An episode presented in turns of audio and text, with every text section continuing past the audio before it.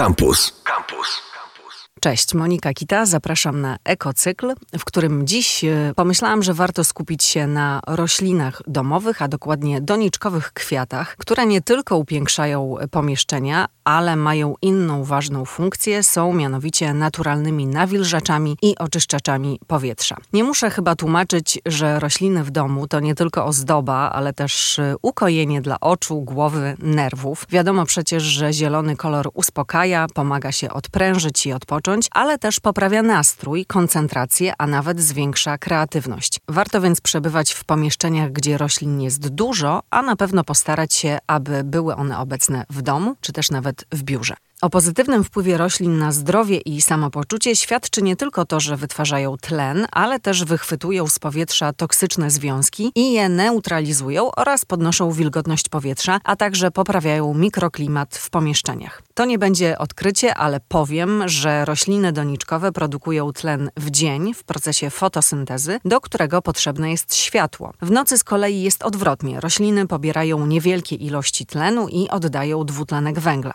Kwiaty doniczkowe to także naturalne nawilżacze. W wyniku parowania wody ze swoich naziemnych części podnoszą wilgotność powietrza w pomieszczeniu, w którym się znajdują. A im bardziej suche powietrze, tym one parują właśnie mocniej. Które rośliny są najlepsze i najefektywniejsze w nawilżaniu powietrza? Na pewno te duże i o cienkich, okazałych liściach. Naturalne nawilżacze powietrza to głównie palmy i paprocie. Na szczególną uwagę zasługuje paproć z rodzaju Nephrolepsis, która nie tylko oczyszcza powietrze z substancji takie jak chociażby formaldehyd, a przypomnę, że znajduje się on w dymie papierosowym i w klejach, ale paproć też świetnie nawilża pomieszczenie. Z kolei mniejsze zdolności parowania wody mają sukulenty, niektóre gatunki mogą również być w pomieszczeniach bez okien, bo nie potrzebują tak dużo światła to teraz czas na roślinne oczyszczacze powietrza, bo przecież w każdym domu zanieczyszczenia są obecne, a nawet toksyczne substancje, takie jak na przykład amoniak, benzen, tlenek węgla, formaldehyd, nikotyna, a są one wydzielane po prostu przez sprzęty elektroniczne, tapety, kleje, lakiery, środki czyszczące czy detergenty. Dodatkowo domowe urządzenia emitują szkodliwe promieniowanie, a w powietrzu znajdują się też roztocza i alergeny. Jak więc sobie z tym radzić w domu? Na pewno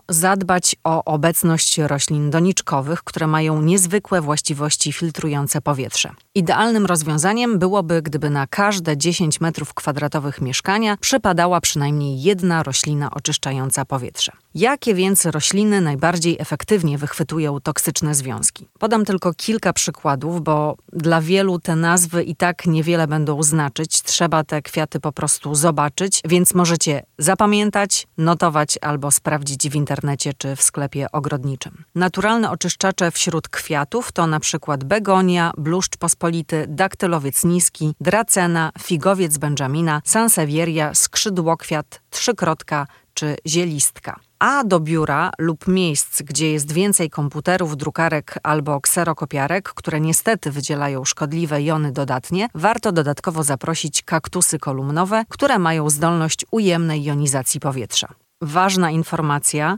rośliny pochłaniają wyłącznie zanieczyszczenia gazowe. Wiadomo oczywiście, że w walce z pyłami zawieszonymi, czyli głównym składnikiem smogu, nie sprawdzą się. Tutaj potrzebne są specjalistyczne urządzenia. Opowiedziałam Wam już o niezwykłych właściwościach nawilżających i oczyszczających kwiatów domowych, ale warto podkreślić, że kwiaty i liście wydzielają zapach, więc można je wykorzystać do aromaterapii. Polecam szczególnie pelargonie, których liście zawierają olejki eteryczne oraz mają właściwości antyseptyczne, czyli mogą nawet łagodzić wahania nastrojów. Inne rośliny leczące zapachem to przykład jaśmin lekarski, który działa relaksująco i neutralizuje stres, gardenia pięknie pachnie i nastraja pozytywnie, a drzewka cytrynowe i pomarańczowe mają pachnące nie tylko kwiaty, ale również liście i działają uspokajająco, poprawiają koncentrację.